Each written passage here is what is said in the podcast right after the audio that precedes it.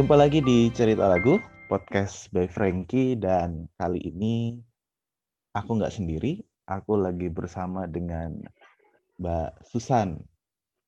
Halo Mbak Susan, apa kabar? Halo Frankie, ya, akhirnya dipertemukan di sini ya. Sehat semua. Sehat semua Mbak. Amin, amin. Sebagai informasi buat kalian semua yang mendengarkan, kita lagi recording, kita take rekaman pakai aplikasi Zoom. Jadi Mbak Susannya di Jogja, akunya di sini yang masih kangen dengan Jogja. Oke, Mbak Susan, uh, kita kenalannya di The Podcasters Indonesia ya. Mbak Susan ini adalah termasuk dalam tim pengembangan ya tadi Mbak Susan sempat sempat ya. cerita sebelum kita rekaman. Mm -mm. Coba gimana dong? Mbak Susan bisa cerita dulu aktivitas Mbak Susan. Oke, ya. Jadi uh, makasih ya Frankie ya dan juga uh, sobat cerita lagu podcast ini ya. Jadi saya ini termasuk salah satu tim pengembang teknologi pembelajaran dari Kemdikbud Kementerian Pendidikan dan Kebudayaan yang kerjaannya tuh bantuin guru-guru dan juga siswa uh, biar mereka belajarnya lebih asik gitu. Nggak nggak ngebosenin kalau uh, kalau cuma dengerin ceramah kalau cuma baca buku. Tetapi kalau via media audio yang dikombinasikan dengan media cetak itu dijamin uh, bakal lebih asik.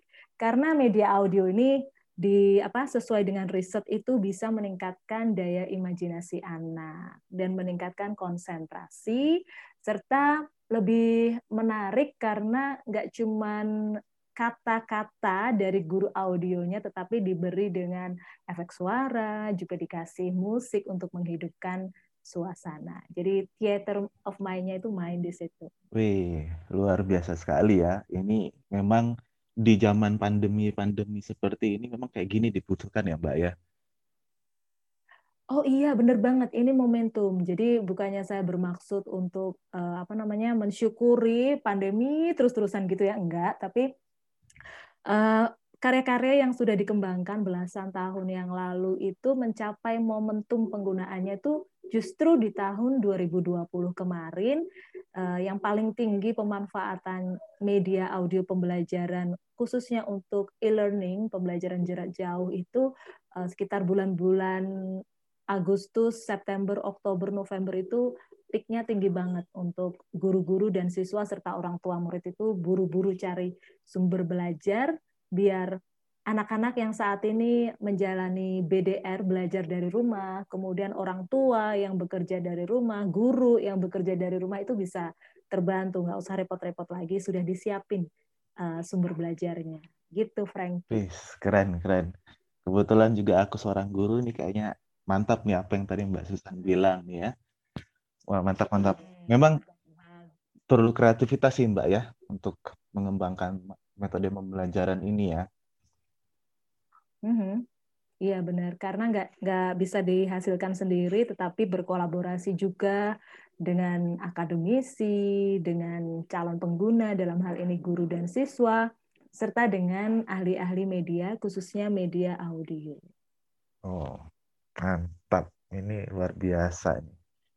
Ini kalau ngomong dengan orang pendidikan seperti gini nih ya ngomongnya ya. Luar biasa. Iya ya, nggak janjian kenapa kok bisa pas gitu ya. Oke, okay, uh, eh, sebelum ke cerita tentang lagu yang menjadi sebuah inspirasi atau ada punya cerita sendiri dengan Mbak Susan, ini ada pertanyaan dulu untuk Mbak Susan. Kalau Mbak Susan ini kan sebagai tenaga pengembang teknologi pembelajaran. Tapi di sisi lain Mbak Susan juga seorang ibu rumah tangga. Nah ini gimana nih? Anak-anaknya kan pasti belajar dari rumah juga nih. Ini iya. kayaknya enak sekali jadi anaknya Mbak Susan karena teknologi semuanya kan dari beliau nih. Gitu. Gimana Mbak? ya gitu. Uh, kalau pengen bisa jalan semua. Mungkin ini tips juga ya buat emak-emak di luar sana yang di awal-awal pandemi itu stres berat mendampingi anak-anaknya belajar gitu ya karena nggak paham dengan materinya. Mungkin sekedar tips ya, ibu-ibu ya. Uh, komunikasi yang baik dengan uh, suami atau pasangan tentang peran kita masing-masing. Karena kalau yang murni ibu rumah tangga mungkin uh, bebannya mungkin masih masih bukannya saya merendahkan ya, tapi mungkin waktunya memang akan lebih banyak di rumah, fokusnya mengurusi rumah tangga dan juga keluarga gitu. Sementara kalau untuk yang dualisme karir, dua-duanya kerja, kemudian nggak ada asisten rumah tangga juga, uh, memang harus komunikasinya intens dengan suami, kaitannya bagi tugas. Kapan dan siapa mendampingi yang mana, jam berapa gitu ya. Hmm. Komunikasi dengan pasangan, komunikasi dengan anak-anak itu harus jelas untuk bisa 24 jam sehari itu dipotong-potong kuenya untuk bagi berapa jam berapa, berapa jamnya biar semuanya lancar. Ini tadi anak-anak belajarnya startnya bareng dengan saya kerja gitu ya. Dan di tengah-tengah kerja itu mereka nanya-nanya materi yang didapat dari gurunya, terus kita bimbing juga. Pokoknya sampai jam uh, setengah empat ini tadi udah kelar semua dan minta dimasakin deh karena hujan jadi lapar semua. Nah itu uh, komunikasi dengan pasangan untuk bagi tugas, bagi peran gitu, terus komunikasi dengan anak-anaknya. Kebetulan anakku kan tiga, hmm. tapi semuanya udah apa namanya, meskipun masih kecil-kecil, tapi udah kebiasaan ditinggal maknya gitu ya. Kebiasaan ditinggal tuh maksudnya udah biasa mandiri sejak kecil, jadi ya mereka udah tahu jam berapa harus ngerjain tugasnya, jam berapa mandi, makan, bantuin rumah gitu, bantuin beres-beres rumah. Nah itu eh, komunikasi keluarga ya yang perlu dijunjung tinggi. Terus kalau sudah kompakan di dalamnya nih, baru ke gurunya. Kalau ada yang nggak paham atau mengalami kesulitan, baru komunikasi dengan gurunya. Lancar dan nggak ada yang bikin TikTok stres gitu ya. Semuanya bisa kok.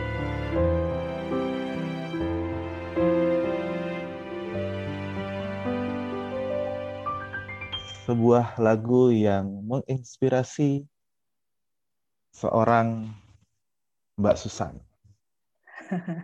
ya, uh, lagunya ini ada satu lagu uh, judulnya Modern Loneliness. Ini dinyanyikan oleh Lauf. Ada ya. yang pernah dengar lagu-lagunya Lauf?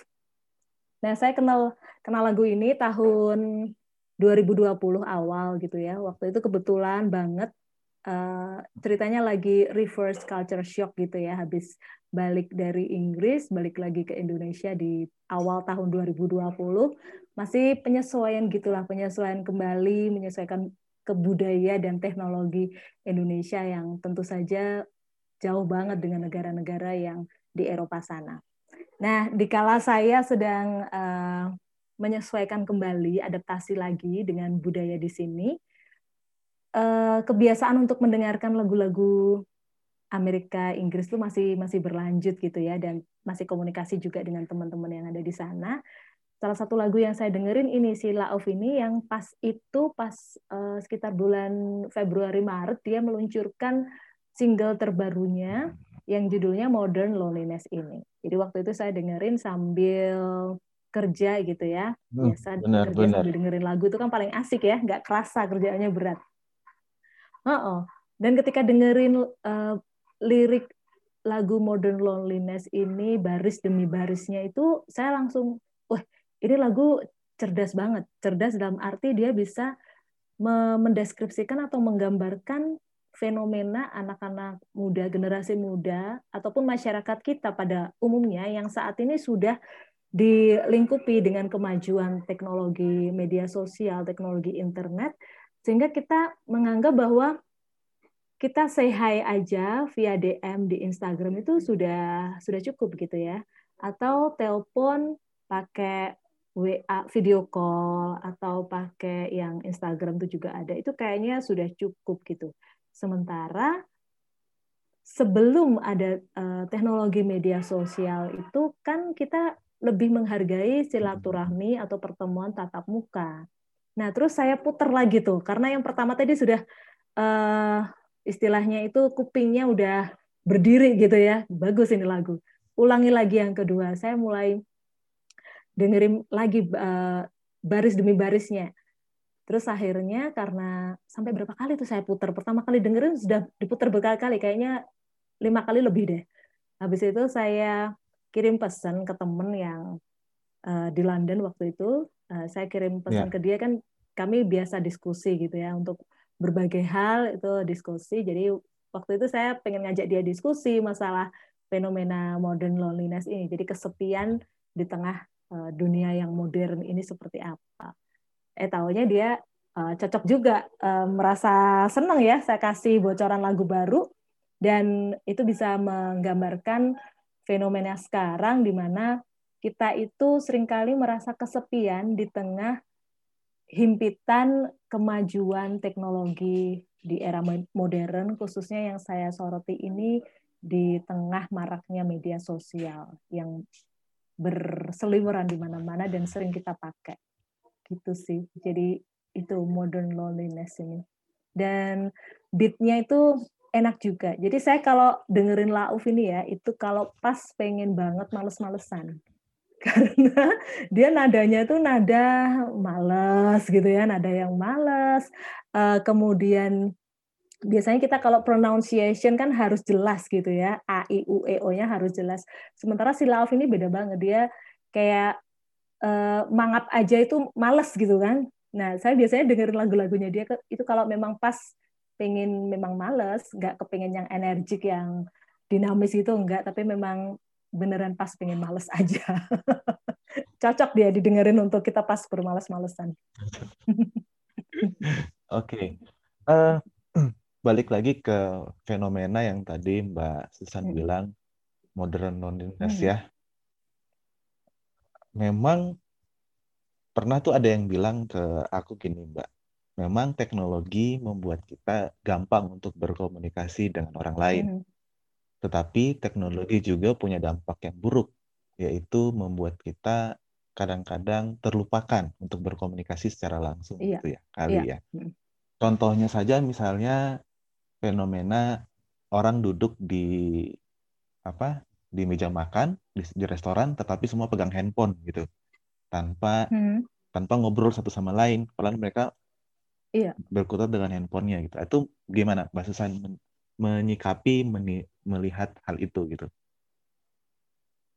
Iya benar banget. Uh, jadi memang semacam itu sih. Dulu waktu awal-awal WhatsApp masuk uh, ke Indonesia, dikenal di Indonesia itu kan sekitar tahun 2012-an ya masuk ke yeah. Indonesia. Sebelumnya kan uh, BlackBerry ya sering kali orang komunikasi via uh, BlackBerry. Nah, waktu WhatsApp itu masuk tahun 2012, kebetulan saya waktu itu belum belum pakai, masih pakai yang uh, eh, BB gitu ya, yang komunikasinya enggak ya kalau perlu aja baru komunikasi gitulah yeah. tipe-tipe saya waktu itu tuh seperti itu. Nah, contohnya contoh kecilnya gini aja, waktu itu kita mau saya dan teman-teman itu janjian mau ke sebuah tempat gitu ya karena ada acara dan karena saya tipenya nggak terlalu tergantung sama apa namanya komunikasi yang disampaikan lewat BB atau WA waktu itu teman-teman saya dominan sudah pakai WA jadi mereka banyak kan ngobrolnya di WA masalah janjian mau ke tempat itu. Okay. sementara saya kan enggak. Ya. saya enggak ya kan?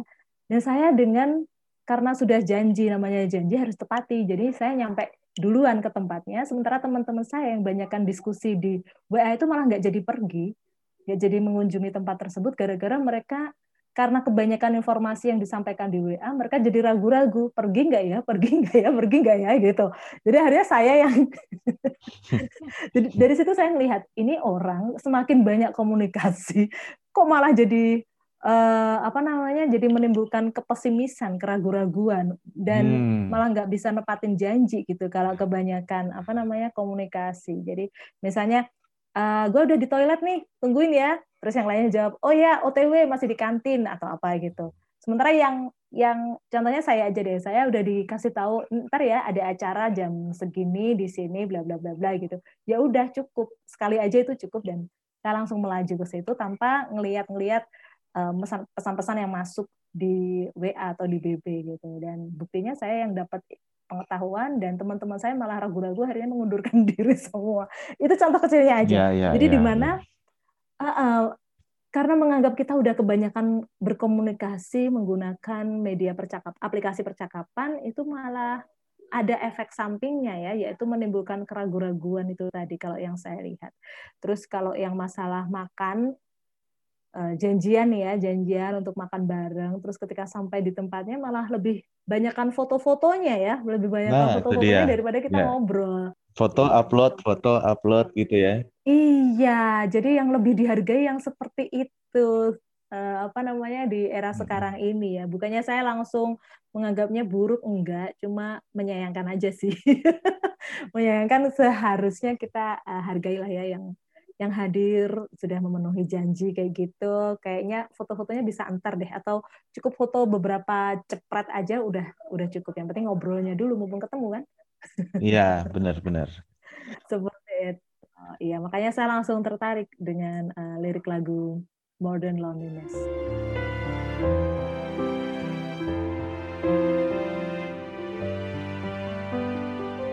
Begitu pertama kali orang dengar lagu ini, Hmm? bagian mana yang langsung pak nampar gitu, Mbak? Eh, di refnya. Modern loneliness, we're never alone, but always depressed, yeah. Love my friends to death, but I never call and I never text, yeah. La di da di da, get what you give and give what you get. So modern loneliness, we love to get high, but we don't know how to come down.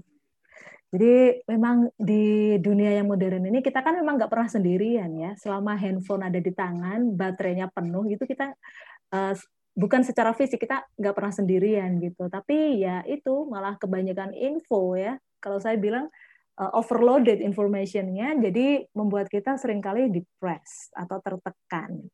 Coba deh kita sekali pegang handphone itu kan yang dibuka nggak cuma WhatsApp atau nggak cuma Instagram tapi situs media, uh, situs berita online atau situs-situs yang lain dan ada loh yang malah uh, keseringan main di medsos itu malah dia jadi minder, jadi irinya timbul gitu. Jadi depresi dengan melihat uh, apa namanya foto-foto yang dikirim, cerita-cerita yang dikirim oleh teman-teman atau para selebritis kita, selebgram kita, youtuber kita yang menampilkan ya orang komunikasi tahu ya jadi ada realita yang tidak sesungguhnya real gitu ya. kan jadi yang ditampilkan itu sebenarnya itu hanya untuk konsumsi produksi konten bukan real life gitu. Tapi kan nggak semua orang paham bahwa itu hanya untuk kebutuhan memproduksi konten. Nah itu yang uh, bikin depresi.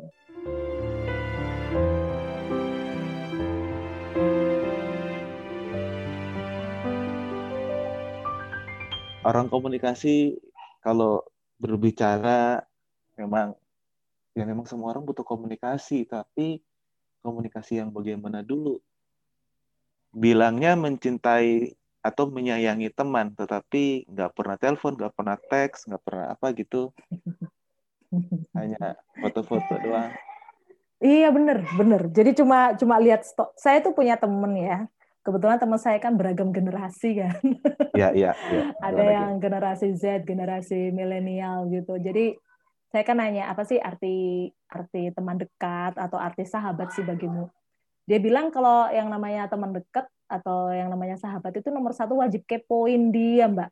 Kepoin di mana? Kepoin IG-nya. Jadi kita harus tahu fitnya dia apa, story-nya dia apa. Ya udah. Terus habis itu apa? Ya udah yang penting kita tahu. Kita udah ngepoin berarti tahu dia lagi ngapain, dia lagi ada apa namanya? lagi di mana gitu. Ya udah sebatas itu aja. Yang dikatakan teman dekat atau iya sahabat untuk anak-anak generasi zaman Z dan juga milenial itu ya. Jadi uh, love my friends to death but I never call and I never text itu ya bener juga sih. uh, cuek-cueknya kelihatan banget. Mungkin beda ya dengan zaman dulu namanya persahabatan itu uh, nggak nggak masalah cuman ngepoin karena kita tahu yang ditampilin di media sosial itu belum tentu dirinya yang real gitu kan. Ada yang personal branding. ah ya seperti itulah uh, jual image segala macem. Tapi yang namanya sahabat yang sejati ya ada di dalam suka dan duka, siap menolong, siap menguatkan. Kalau yang satunya lagi uh, jatuh atau down gitu yang yang ini siap siap untuk apa namanya ya me, mengangkat dia gitu ya mengelurkan tangan untuk mengangkat dia bisa bangkit berdiri lagi sih kalau menurut saya. Mantap. Ini pesan-pesan komunikasinya dapat semua nih. Hei kalian semua yang mendengarkan podcast ini dengarkan baik-baik. Dosen komunikasi bersama karena besok keluar di ujian. Tapi memang mbak benar kalau kalau menurut saya pun demikian karena sudah terjadi pergeseran makna komunikasi benar nggak sih mbak?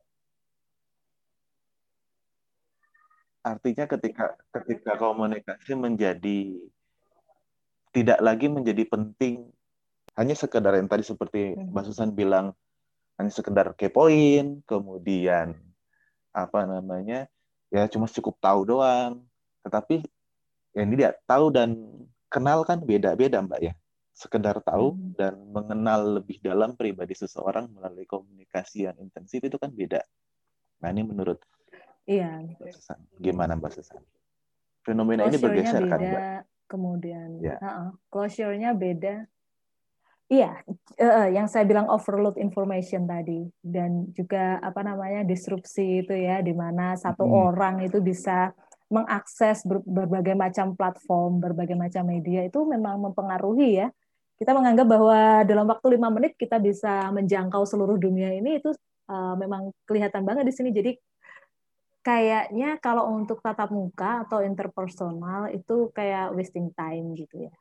Karena kalau kita tatap muka, ketemu langsung itu kan nggak mungkin ya untuk kita pegang HP, sibuk dengan HP kita sendiri dan nyuekin yang ada di depan kita tuh kan kayaknya nggak mungkin.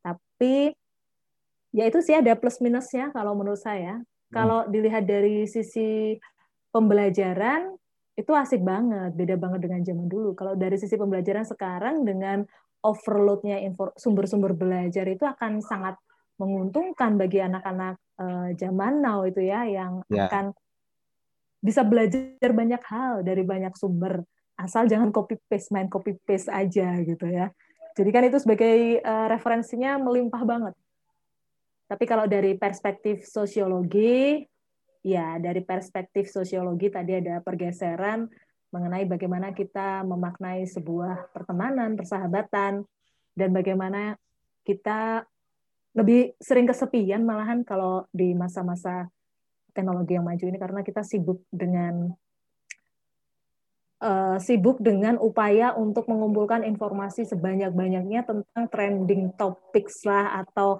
apa yang sedang tren saat ini. Kita disibukkan dengan itu ya. Mulai dari bangun tidur sampai mau tidur lagi kayaknya sibuk dengan itu. Itu kalau dilihatnya dari perspektif sosiologi sih. Tapi kalau dari perspektif pendidikan saya melihatnya justru ini adalah masa masa-masa emas untuk orang-orang yang semangat ya untuk mencari ilmu ya ini ini waktunya. Enak banget sekarang.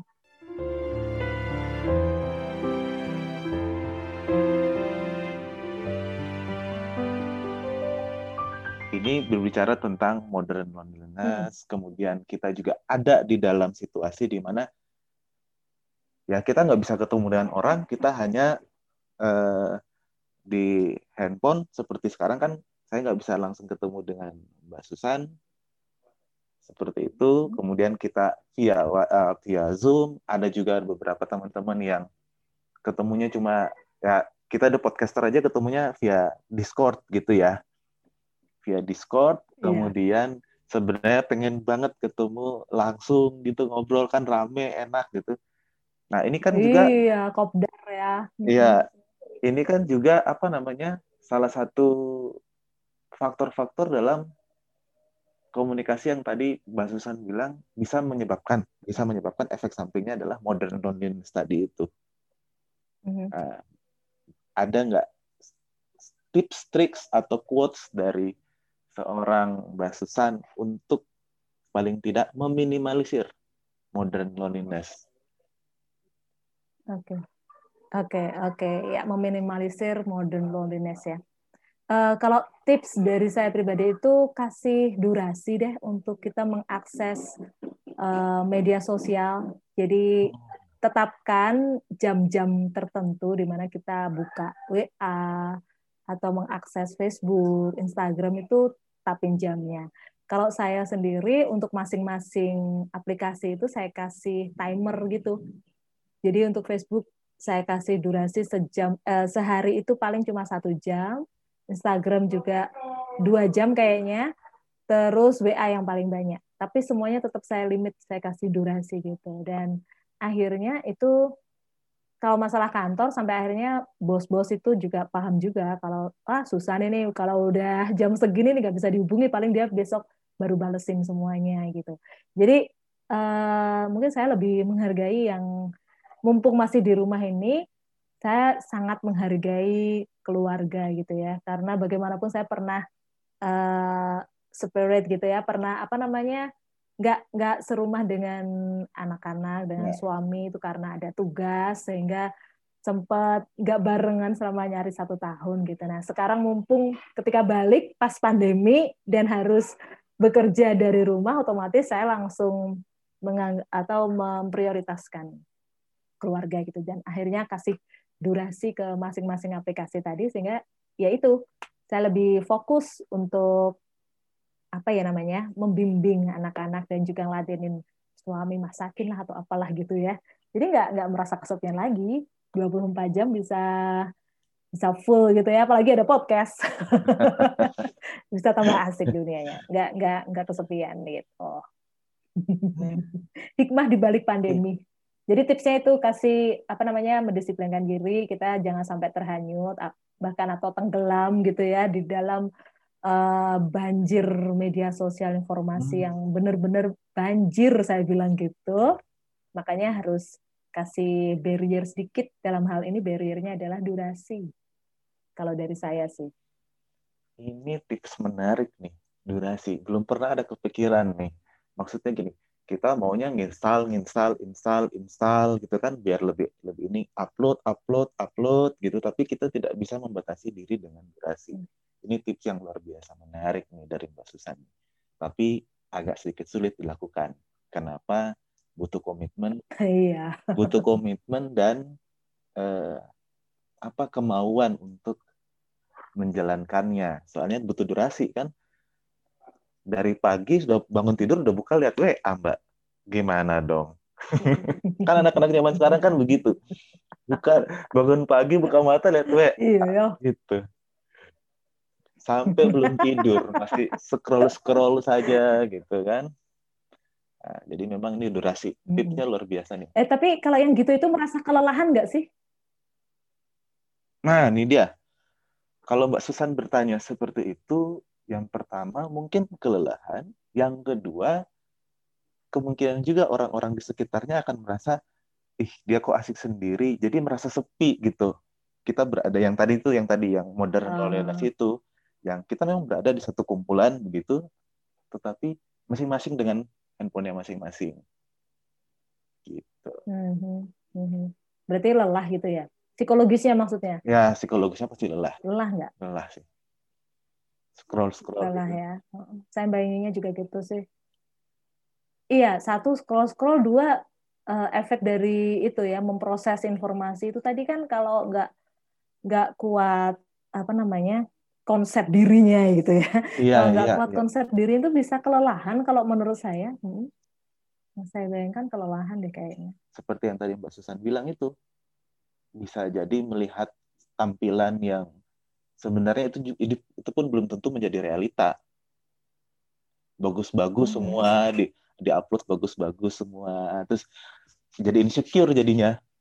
Saya kok nggak punya seperti ya, apa ya, yang ya. mereka punya gitu. Mungkin itu yang menjadi pemicu bagi kelelahan yang tadi itu mungkin Mbak ya.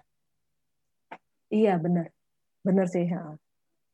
Jadi ya biar nggak lelah, biar tetap enjoy, happy, bugar ya di masa pandemi ini kan kebugaran itu penting ya. Benar benar. Iya, sekali-sekali jalan-jalan tanpa bawa HP lah coba. Bisa nggak? di limit Mbak ya, di limit ya. Biar lihat apa alam Iya, di limit kasih durasi. Jadi ya hidup kita itu nggak ditentukan oleh uh, media sosial kok ya. Hidup iya. kita itu kan ditentukan oleh uh, determinasi kita mau ke mana gitu ya. Ini waktunya untuk uh, apa namanya? Kita kan di awal tahun udah bikin uh, setiap akhir tahun kan ada resolusi tahun hmm. untuk menyimpulkan setahun ini ngapain aja yang jadi landasan untuk kita tahun ke depan mau ngapain aja juga kan. Nah, mungkin kalau saya uh, yang saya terapkan di diri saya sendiri itu ya itu tadi dengan kita membatasi diri untuk mengeksplor media sosial atau aplikasi percakapan kita itu kita bisa fokus ke pengembangan diri kita. Kita bisa mengembangkan kompetensi kita kan setiap kalau saya sih setiap tahun harus ada progres gitu ya personal ya secara personal. Kalau secara keluarga memang beda lagi. Kalau secara personal pasti setiap tahun ada uh, grafiknya itu harus naik nambah kompetensi apa lagi nih nambah apa hmm. lagi gitu nah nanti kalau kita disibukkan terus dengan medsos atau dengan HP uh, eh, itu kita mungkin nggak bisa fokus ya untuk me, me, ngobrol ngajak ngobrol diri, diri kita sendiri mau tahun ini mau ngembangin yang apa ya bakat apa atau kebutuhan apa yang bisa kita berikan untuk mengisi kebutuhan dari masyarakat itu Bayangan saya seperti itu sih. Oke. Tahun 2020 podcaster sudah. Tahun 2021 apalagi nih, Mbak? Kalau Mbak Susan podcast Jus Markisa. Jadi teman-teman semua yang mendengarkan, silakan kunjungi podcastnya Mbak Susan di Jus Markisa Podcast. Cari di Spotify. Terima kasih. Dan suaranya suara familiar banget. Pembahasannya juga bagus. Sampai di search ya. Ya, tolong. Di... Please follow di Instagram iya, Jus Markisa. Uh... Benar ya Mbak ya? betul, betul sekali. Follow, betul, betul, ya. betul. Dan kalau pas lagi baik bisa bagi-bagi hadiah gitu ya. Saya melihatnya di situ. Jadi kalian semua podcast ini tolong follow Jus Markisa uh, di Instagram supaya ya beliau baik sekali. kalau pas baik. Oke. Okay. Gimana gimana? Ya sih kemarin tuh giveaway-nya. Iya. Oh, tahun ini ya, tahun ini mau ngapain gitu ya. Kalau uh, kalau yang Jus Markisa ini uh, saya tuh bersyukur banget gitu ya karena uh, respon positif tuh banyak sekali yang berdatangan dan ada temen itu yang udah sama kayak uh, Frankie juga kan kita saling mendengarkan ya, yeah. saling mendengarkan podcast masing-masing. Nah teman saya ini bilang kamu kayaknya harus harus terus diisi deh gelas jusmu itu gelas jusku harus diisi terus ya. ngapain? Ya biar kamu bisa terus menginspirasi orang-orang yang ada di sekelilingmu. Jadi kamu jangan merasa penuh ya. Isi terus itu jadi kamu bisa terus menginspirasi. Itu benar-benar itu omongan omongan teman saya yang baru kali itu dia normal gitu. Biasanya nggak pernah normal dia kasih komen ya.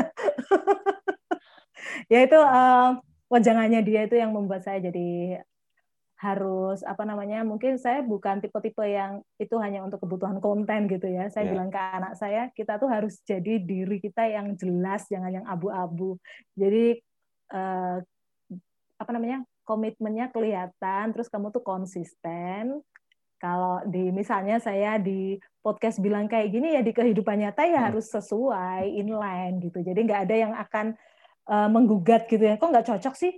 Dia di podcast bilangnya gini gini gini ternyata kesehariannya kayak gini. Enggak semoga sih enggak ya. Semoga nah saya berusahanya kayak gitu sih. Semoga tahun ini iya tahun ini Jus Markisa makin banyak pendengarnya dan makin uh, membawa dampak ya. Amin amin. Dampak perubahan orang-orang yang ini yang kadang-kadang ada yang lose hope gitu ya ya ya uh, kehilangan pengharapan gitu nah itu tugas tugas kita ini sesama podcaster untuk bisa membangkitkan semangat, menginspirasi, ya, uh, ya itu ya, menyemangati gitulah, menginspirasi. Luar biasa. Ternyata susah juga jadi orang menginspirasi. ya, ya, ya, ya, ya, ya. ya. Uh, kalau ada tagline uh, di tempat lain yang seruput dulu kopinya, Jus Markisa punya hmm. penuhin terus gelas jusnya. Luar biasa ya. itu masukan temen gelas jusmu penuhin terus biar kamu bisa menghilangkan dahaga orang-orang itu tapi memang di saat orang lain dahaga butuh sesuatu yang segar memang jus itu menjadi pilihan pertama Menyegarkan. menyegarkan. Iya, benar sekali. Suka jus apa ini Frank ini? Ya, saya Suka minum jus apa? justru itu saya sukanya agak banyak. Jadi mana ditanya yang nggak suka ya, jus pete gitu ya. Aduh. Oke. Eh, terima kasih Mbak Susan sudah hadir di podcastku di cerita lagu Iya, sama-sama. Modern Loneliness. Dengerin hari Rabu Modern Loneliness. Juga dengerin Jus Markisa Podcast setiap Sabtu dan Minggu. Bener ya Mbak ya? Yes, that's right. Setiap Sabtu dan Minggu. Soalnya saya juga lagi nungguin jus apa lagi yang akan dikasihkan oleh Mbak Susan. Jus Markisa. Oke, tunggu aja deh. Jangan lupa follow Instagramnya Mbak Susan di Jus Markisa. Bener ya? Yes, iya nyambung. Nyambung semuanya. J U I C E. Ah, Jus Markisa. Kenapa milih Jus Markisa? Nggak tahu. Nanti itu pembahasan untuk yang berikutnya. Apa bukan jus alpukat gitu kan? Atau jus tomat? Kenapa bukan jus jambu ya? Iya. Oke, gua aku pergi pamit. Oke. Sekali lagi Mbak Susan terima kasih. Eh, sampai jumpa di edisi podcast Ya, sama-sama Frankie. selanjutnya. Semuanya, bye-bye.